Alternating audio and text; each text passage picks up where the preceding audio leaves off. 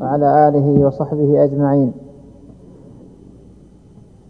أما بعد أيها الأحبة فنستمع الآن إلى تعليق مبارك لصاحب السماحة الشيخ عبد العزيز بن عبد الله بن باز رئيس هيئة كبار العلماء مفتي عام المملكة العربية السعودية. حياه الله. وكانت الندوة بعنوان المعاصي أنواعها وخطرها والتحذير منها والتي تفضل بإلقائها كل من أصحاب الفضيلة المشايخ الشيخ عبد الله بن إبراهيم الفارس والشيخ عبد الله بن عبد الرحمن الفيان والشيخ إبراهيم بن عبد الله القصير فليتفضل سماحته جزاه الله خيرا. بسم الله الرحمن الرحيم الحمد لله وصلى الله وسلم على رسول الله وعلى آله وأصحابه ومن اهتدى بهداه. أما بعد فقد سمعنا جميعا هذه الندوة المباركة التي قام بها أصحاب الفضيلة الشيخ عبد الله بن إبراهيم فارس الشيخ عبد الله بن عبد الرحمن بن ريان والشيخ إبراهيم بن عبد الله القصير في موضوع المعاصي والتحذير منها وعظم خطرها. وقد أجادوا وأفادوا جزاهم الله خيرا وبارك فيهم وزادنا وإياكم وإياهم علما وهدى وتوفيقا ونفعنا جميعا بما سمعنا. المعاصي أيها الإخوة خطرها عظيم. وشرها كبير. لأن الله جل وعلا إنما نهى عنها لما فيها من المفسدة والعاقبة الوخيمة وهو سبحانه أعلم من أنصار عباده. أعلم بما ينفعهم ويصلحهم وأعلم بما يضرهم. فقد أمرهم بما يصلحهم من الطاعات ونهاهم عما يضرهم من المعاصي. فالواجب على كل مكلف من الرجال والنساء من الجن والإنس أن يتقوا الله وأن يقبلوا هدى الله وأن يحذروا معاصي الله لأنهم لهذا خلقوا وبهذا أمروا. قال تعالى وما خلقت الجن والإنس إلا ليعبدون. قال تعالى يا أيها الناس اعبدوا ربكم الذي خلقكم والذين من قبلكم لعلكم تتقون. وقال سبحانه ولقد بعثنا في كل أمة رسولا أن يعبدوا الله واجتنبوا الطاغوت. فالخلق جميعا ذكورهم وإناثهم عربهم وعجمهم جنهم وإنسهم أمراؤهم وعامتهم علماؤهم وغيرهم كلهم خلقوا ليعبدوا الله. كلهم خلقوا ليعبدوا الله. وهو سبحانه غني عنهم. منفعة عبادتهم لهم والمصلحة لهم وهو جل وعلا الغني الحميد. خلقهم ليعبدوه ورتب على ذلك الخير العظيم والجنة والكرامة والسعادة لمن أطاع أمره وامتثل ما خلق له. وأعد النار والجحيم والهوان لمن خالف أمره واتبع هواه. والعبادة التي خلقوا لها هي توحيد الله وطاعته هي تعظيمه والإخلاص له والإيمان بأنه لا إله إلا الله أي لا معبود حق إلا الله والإيمان برسله جميعا وبخاتمهم وأفضلهم وإمامهم محمد بن عبد الله عليه الصلاة والسلام. هذه العبادة التي خلقوا لها أن يوحدوه ويعظموا أمره ونهيه وأن يصدقوا رسله وأن ينقادوا لشرعه الذي جاء به نبيه محمد صلى الله عليه وسلم. فيدعوا النواهي ويمتثلوا الأوامر. هذا هو هذه العبادة. هذا هو الدين هذا هو الإسلام والإيمان والهدى.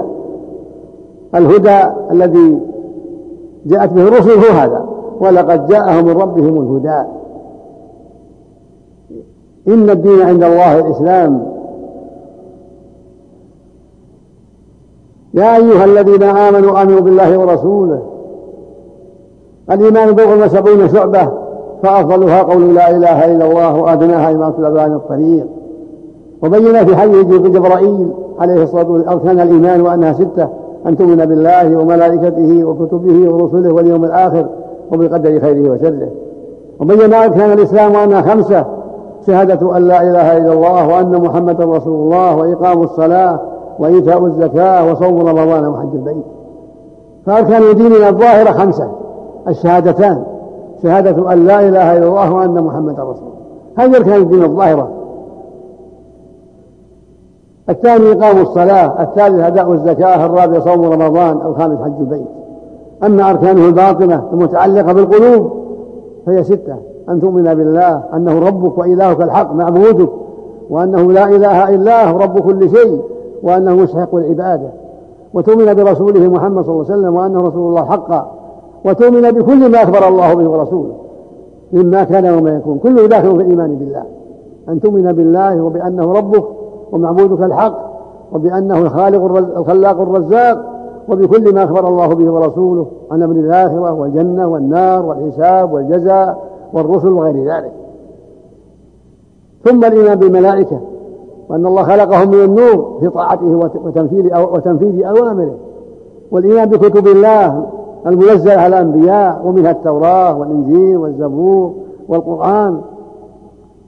والإيمان بالرسل جميعا من أولهم نوح وقبله آدم إلى آخرهم محمد صلى الله عليه وسلم.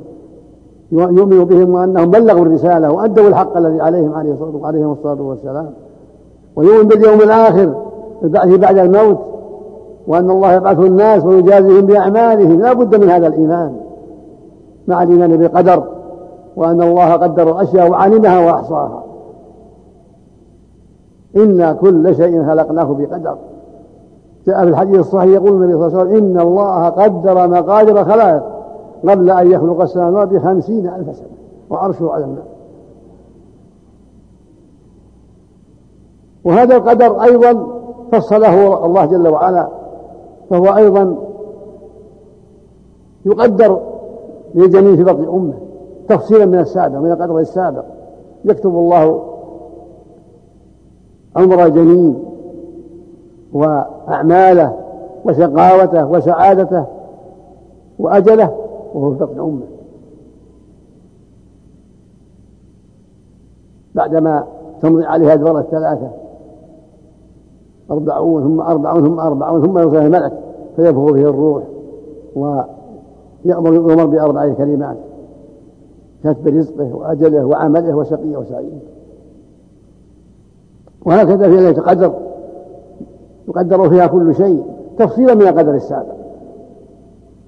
حامي وكتاب مبين إنا أنزلناه في ليلة مباركة إنا كنا منزلين فيها يفرق كل أمر حكيم. وهكذا كل يوم كل يوم هو في شأن سبحانه وتعالى. فالواجب على المؤمن أن يتقي الله وأن يراقب الله وأن يحذر معاصي الله وأن يبتعد عن كل ما يغضب الله وأن يحرص على أداء ما وجب الله عليه. لهذا خلق.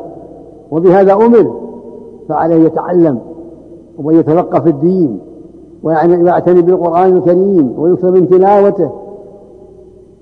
وعليه أيضا أن يحضر حلقات العلم ودروس العلم حتى يعرف ماذا خلق. لماذا خلق؟ وحتى يعرف ما ما هي الأشياء التي هو مأمور بها. ما هي الأشياء التي هو منهي عنها حتى يكون على بصيرة. يقول النبي صلى الله عليه وسلم من سلك طريقا يلتمس فيه علما سهل الله له بطريق الجنة. ويقول صلى الله عليه وسلم من يريد الله به خيرا يفقهه في الدين.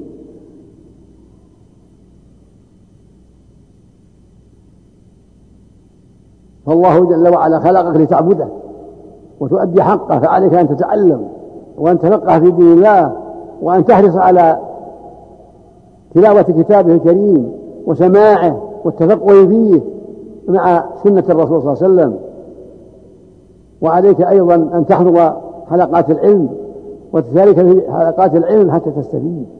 حتى تعلم هذه العبادة التي أنت مخلوق لها. حتى تعلم ما أمر الله به وما نهى الله عنه.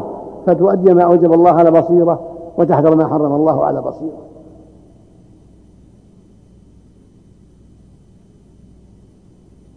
وذكر الله جل وعلا وسيلة إلى كل خير.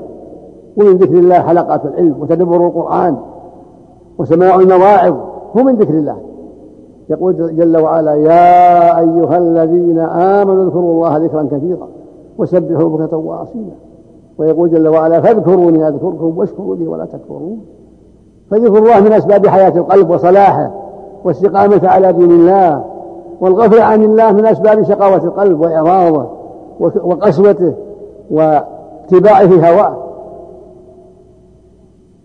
قال جل وعلا ومن يعش ومن يعش عن ذكر الرحمن نقيض له شيطانا فهو له قريب. ومن يعش من يغفل عن ذكر الله نقيض له شيطانا فهو له قريب. فالغفلة وسيلة للشر والهلاك. فالواجب العناية بذكر الله وتدبر القرآن والإكثار من تلاوته والتسبيح والتهليل وحضور حلقات العلم ودروس العلم. حتى تستفيد حتى تعرف ما أوجب الله عليك وما حرم الله عليك. وذكر الله جل وعلا يشمل هذا واحد يشمل التعلم والتفقه في الدين يشمل التسبيح والتهليل والتكبير والاستغفار يشمل قراءة القرآن يشمل حلقات العلم. يقول النبي صلى الله عليه وسلم سبق المفردون إذا رسول المفردون قال الذاكرون كثير والذاكرات. قال صلى الله عليه وسلم ما عمل ابن آدم عملا أنجى له من عذاب الله من ذكر الله؟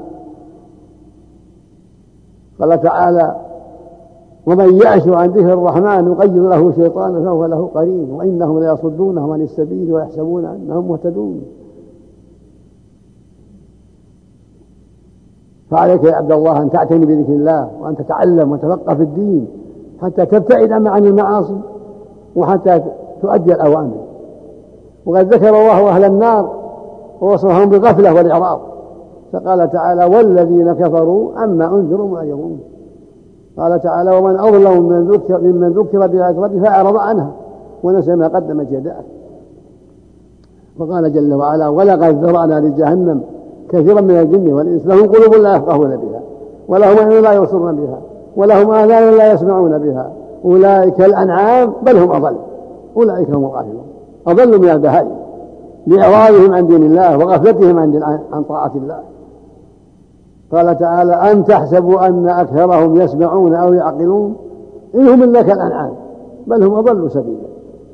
فالواجب عليك يا عبد الله أن تحذر مشابهة الأنعام وأن تعلم دينك وأن تكثر من ذكر الله وأن تحضر حلقات العلم وجالس العلم في المساجد وفي غيرها ترجو ثواب الله وتخشى عقاب الله. والواجب على أهل العلم أن ينشروا العلم.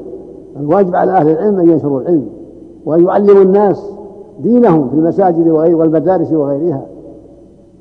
هذا الواجب على أهل العلم أن يعلموا الناس ويذكروهم بالله ويعلموهم دينهم في مناهج التعليم وفي حلقات العلم وفي كل مناسبة. يرجون ثواب الله ويخشون عقاب الله. هذا هو الواجب على جميع المسلمين وعلى جميع علماء المسلمين في كل مكان. في كل دولة في كل بلاد. الواجب على أهل العلم أن يبينوا حكم الله وأن يذكروا الناس بطاعة الله وأن يحذروهم من الغفلة عن الله وعن دينه وأن يحثوهم على طاعة الله ورسوله وعلى تدبر القرآن والإكثار من تلاوته والعمل بسنة الرسول صلى الله عليه وسلم وعلى العناية بمناهج التعيين حتى يعلم الطالب ما أوجب الله عليه وما حرم الله عليه حتى يكون على بصيرة. وهذا يجب في جميع المدارس مدارس الذكور والإناث أن يكون فيها التوجيه إلى دين الله والتعليم والتوصيل وبيان ما أوجب الله وما حرم الله وبيان العقيدة الصحيحة وبيان ما يلزم العبد من طاعة الله ورسوله الرجل والمرأة. هذا هو واجب الجميع. والله سبحانه وتعالى خلقنا لنعبده. ولا طريق إلى هذا إلا بالعلم. لا طريق إلى العبادة وأدائها كما أمر الله إلا بالعلم. ومن كان يرجو النجاة جد في طلب العلم. والذين جاهدوا فينا لنهدينهم سبلنا. ويقول جل وعلا إن الذين آمنوا والذين هاجروا وجاهدوا في سبيل الله يرجو رحمة الله. قال تعالى فمن كان يرجو لقاء ربه فليعمل عملا صالحا. فالذي يريد النجاة يعمل ويجتهد يطلب العلم ويتفقه في الدين. يعمل بطاعة الله ويحذر معاصي الله. قال تعالى وإني لغفار لمن تاب وآمن وعمل صالحا ثم اهتدى. قال تعالى من عمل صالحا من ذكر أو أنثى وهو مؤمن فلنحيينه حياة طيبة ولنجزينهم أجرهم بأحسن ما كانوا يعملون. وقال تعالى يا أيها الذين آمنوا اتقوا الله وقولوا قولا سديدا. يصلح لكم أعمالكم ويغفر لكم ذنوبكم. ويقول جل وعلا والذين إذا فعلوا فاحشة أو ظلموا أنفسهم ذكروا الله فاستغفروا لذنوبهم ومن يغفر الذنوب عند الله ولم يصروا على ما فعلوا وهم يعلمون. أولئك جزاؤهم مغفرة من ربهم وجنات تجري من تحتها الأنهار خالدين فيها ونعم أجر الآمنين وإما أنصح فيه وإما أنصح بإخواني العناية بسماع إذاعة القرآن.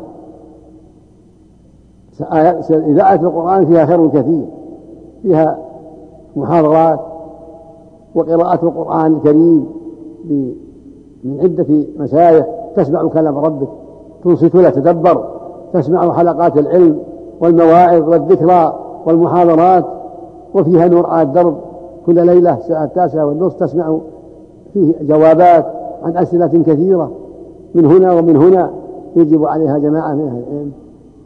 كل ليلة فإذاعة القرآن فيها خير كثير. فأنا أنصح الجميع في هذه البلاد وفي غيرها في المملكة وفي غيرها أنصح الجميع بسماع إذاعة القرآن. كما أنصح الجميع بالعناية بالقرآن والإكثار من تلاوته وتدبر معانيه والعناية بحديث الرسول صلى الله عليه وسلم مثل بلوغ المرام مثل منتقى الأخبار والذي عنده قدرة يراجع الصحيحين البخاري ومسلم وكتب الحديث حتى يعلم ما جاء في السنة مع ما في القرآن الكريم. وعلى أهل العلم أن يذكر الناس بذلك. على العلماء يذكر الناس بحديث الرسول صلى الله عليه وسلم كما يذكرونهم بالقرآن. قال الله جل وعلا تلك حدود الله ومن يطع الله ورسوله يدخله جنات تجري من تحتها خالدين فيها وذلك الفوز العظيم. ومن يعص الله ورسوله ويتعدى حدوده يدخل نارا خالدا فيها وله عذاب مهين. فالمعاصي بريد الكفر. المعاصي بريد الكفر. وسيلة إلى الشر والبلاء. وسيلة إلى الهلاك. فيجب الحذر منها. يجب الحذر من صغيرها وكبيرها. يجب الحذر من كل ما نهى الله عنه. مع أن كما أنه يجب عليك أيضا المبادرة إلى كل ما أمر الله به. وأهم شيء بعد الشهادتين. أهم شيء بعد الشهادتين الصلوات الخمس. والعناية بها أول واجب وأعظم واجب شهادة أن لا إله إلا الله وأن محمدا رسول الله. أن توحد الله وتخصه بالعبادة. هذا هو معنى لا إله إلا الله. معنى معناها لا معبود حق إلا الله. كما قال تعالى ذلك بأن الله هو الحق وأن ما يدعون من دونه هو الباطل. فأول شيء وأهمه هذه الشهادة. هذا هو أعظم واجب. لا إله إلا الله. معناها لا معبود حق إلا الله. فجميع المعبودات من دون الله باطلة. عبادة الأنبياء باطلة عبادة الملائكة باطلة عبادة الأصنام باطلة عبادة الجن باطلة جميع العبادات كلها باطلة إلا عبادة الله وحده ذلك بأن الله هو الحق وأن ما يدعون من دونه هو الباطل. فيجب على جميع الثقلين جنهم وإنسهم أن يعبدوا الله وحده يذكرونه يدعونه وحده يستغيثون به يسألون تفريج الكروب يسألون غفران الذنوب يسألونه الجنة والنجاة من النار. يعبدونه بصلاتهم وصومهم إلى غير ذلك. هو الإله الحق جل وعلا. وإلهكم إله واحد لا إله إلا هو الرحمن الرحيم. وما أمروا إلا ليعبدوا الله مخلصين له الدين حنفاء. مع الإيمان بالرسول محمد صلى الله عليه وسلم وجميع المرسلين. على كل أحد أن يؤمن بأن محمدا رسول الله. هكذا يجب على الجن والإنس الرجال والنساء العربي والعجم. عليهم أن يؤمنوا بأن محمدا رسول الله. وأنه خاتم النبيين.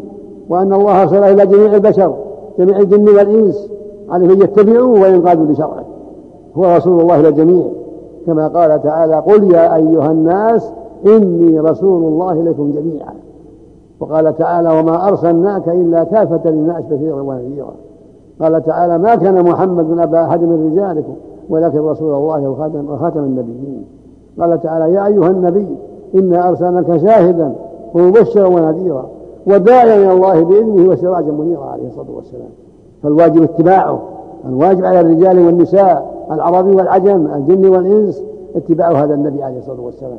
اتباع القرآن الكريم وهذا النبي الأمين محمد عليه الصلاة والسلام.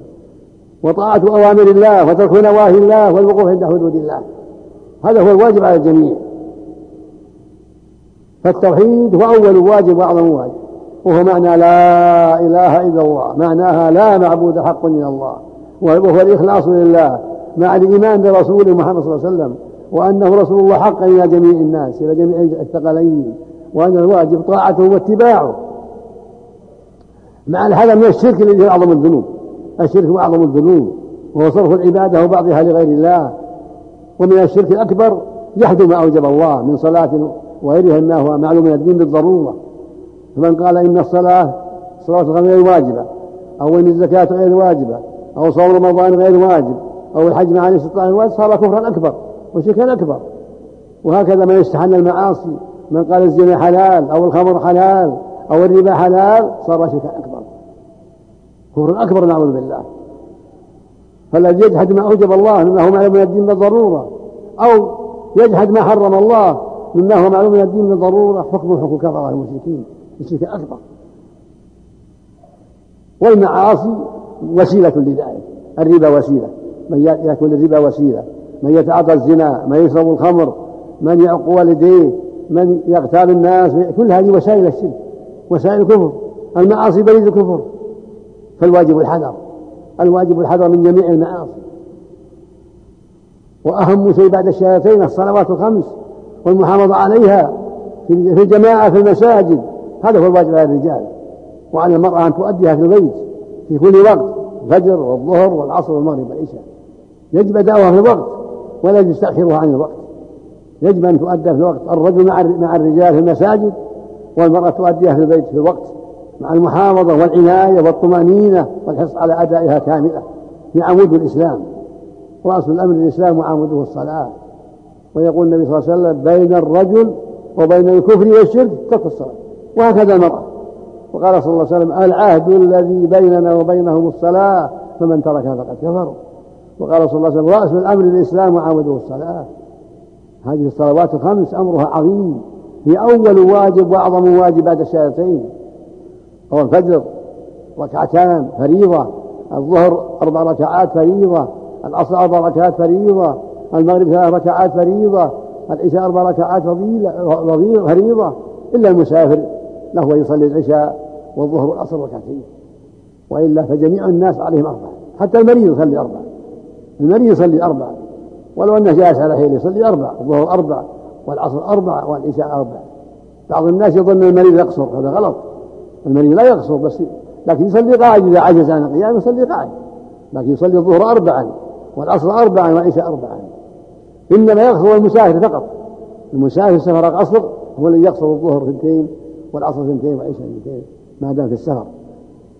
أما المريض لا يصلي أربع سواء قاعدا أو على جنبه أو قائما. المريض يصلي حسب طاقته قائما أو قاعدا أو على جنب أو مستلقيا حسب طاقته لكن يصلي أربع الظهر أربع والعصر أربع والعشاء أربع لا يقصر. القصر خاص بالمسافر.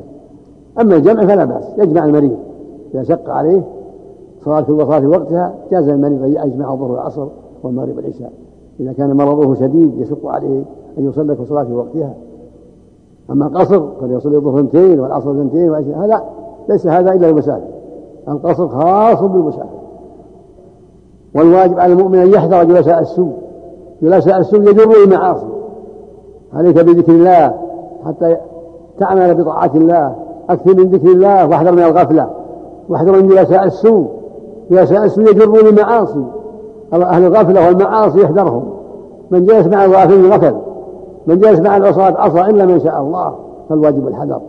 الحذر من مجالسة الغفلة والمعاصي وأهل الملاهي احذر فإذا جلستهم أصابك ما أصابهم إلا من رحم الله. فاحذر احذر. وكن مع الذاكرين مع المطيعين مع أهل الخير.